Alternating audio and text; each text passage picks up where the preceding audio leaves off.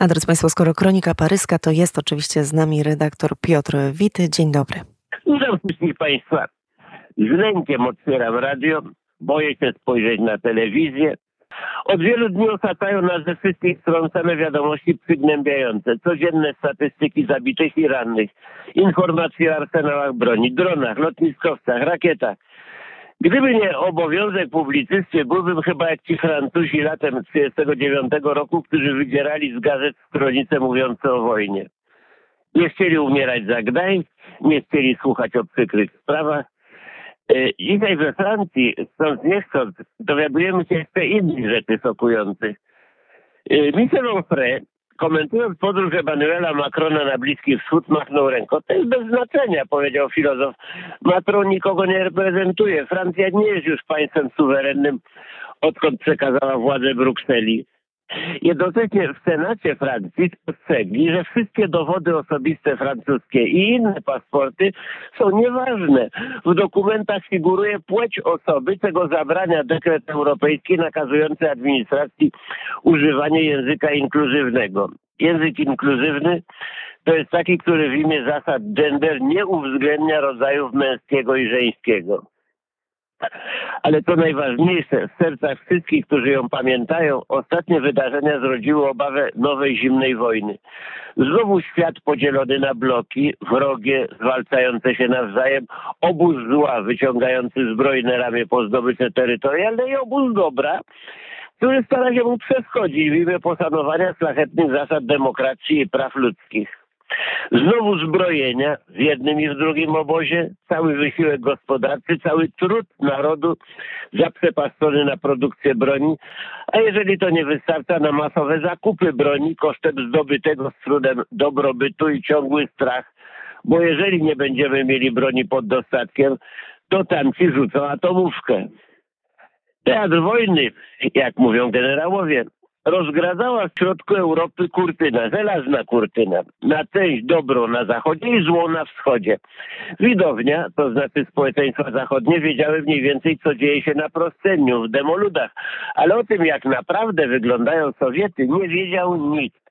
Ludność prowincji rosyjskiej nie wiedziała, jak żyje sąsiedni kołchoz. Przejazd z jednej wsi do drugiej wymagał zezwolenia policji, korespondentów zachodnich nie było. Nielicni agenci wolnego świata byli wyłapywani z łatwością. Dopiero po latach dowiedzieliśmy się, że spiezy radzieccy kierujący brytyjskim wywiadem Tim Philby, Antony Blend, posyłając swoich ludzi do Rosji, zawiadomiali jednocześnie NKWD, podając adresy, hasła i fałszywe nazwiska agentów. Nic stamtąd nie przenikało. Naród bał się Rosji, ponieważ Rosja była nieznana. Z pewnością jest wiele podobieństw do tamtej sytuacji ale różnice są zasadnicze. Jeżeli Francja, Niemcy, Wielka Brytania ociągały się tak długo z pomocą wojskową dla Ukrainy, to między innymi dlatego, że strach tych mocarstw przed rosyjskim niedźwiedziem jest dzisiaj znacznie mniejszy niż był wówczas. Są potężne gospodarczo, tak jak wtedy były wyniszczone przez wojnę. Dysponują bronią atomową, której wówczas nie miały, ale przede wszystkim sytuacja Rosji jest dobrze znana. Dlatego między innymi nowa zimna wojna nie jest możliwa. Są w Rosji korespondenci i są statystyki. Tyle, że część co najmniej straszliwych wiadomości przygnębiających, podawanych przez agencję jest podejrzana albo po prostu fałszywa. Oto przykład jeden z wielu. Liczba rosyjskich strat na Ukrainie otoczona jest w Rosji tajemnicą wojskową, ale wywiady zachodnie co nieco wiedzą i publikują dane, które powtarza za nimi prasa francuska. Po siedmiu miesiącach od rozpoczęcia inwazji rosyjski minister obrony przyznał się do 5937 zabitych żołnierzy oraz nieznanej liczby rannych, z których 90% jak zapewniał powróciło na front. Ale jak można mu wierzyć, jeżeli miesiąc później inny minister, minister pracy, stwierdził przed Senatem, że 54% rannych żołnierzy było amputowanych.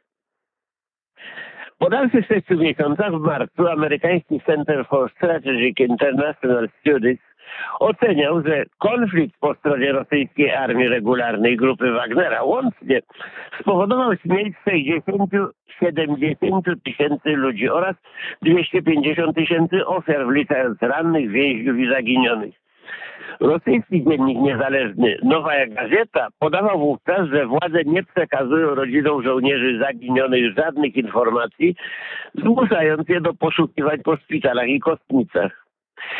13 kwietnia nota wywiadu rosyjskiego opublikowana przez Pentagon obliczała straty armii Putina na ponad 110 tysięcy zabitych, rannych i zaginionych. Anglicy ze swej strony stawiali na 200 tysięcy zabitych, z których znaczna część miała zginąć na skutek nadużycia alkoholu. Niektórzy komentatorzy odnoszą się sceptycznie do liczb publikowanych w wolnym świecie. Podejrzewają Zachód o wyolbrzymianie rosyjskich strat celem siania defetyzmu w szeregach armii Putina, a także po to, aby dodać ducha Ukraińcom. Znacznie bardziej wiarygodne są statystyki rosyjskie, chociaż nie te dotyczące bezpośrednio wojny. Jeszcze za czasów Breżniewa pani Helena Karer-Dankos wydedukowała rychły upadek Imperium Sowieckiego, analizując statystyki demograficzne niemożliwe do sfałszowania. Otóż całkiem niedawno, poddając drobiazgowej analizie budżet przeznaczony na odszkodowania dla rodzin zabitych i rannych, wywiad próbował sporządzić nowy bilans. Metoda wymagająca uwzględnienia czynników dodatkowych, bowiem władze ociągają się często z wydaniem rodzinie ciała albo poinformowaniem o hospitalizacji. Odnośna kwota, ta kwota na odszkodowania, przewidziana w budżecie wynosi 163 miliony euro, więc dwa razy więcej niż w 2022 roku, co odpowiada odszkodowaniu dla 102 tysięcy rodzin. Nieco mniej niż podają źródła anglosaskie, ale wielokrotnie więcej niż przyznają Rosjanie. Tyle suche cyfry. Ale jak obliczyć i w jakiej walucie cierpienia rodzin zniszczone życie setek tysięcy? Tamtą zimną wojnę usprawiedliwiała fałszywa ideologia walki z kapitalizmem, o szczęście ludzkości w komunizmie. Ale czym dzisiaj usprawiedliwić operację specjalną denazyfikacji Ukrainy, jak nazywał inwazję Putin?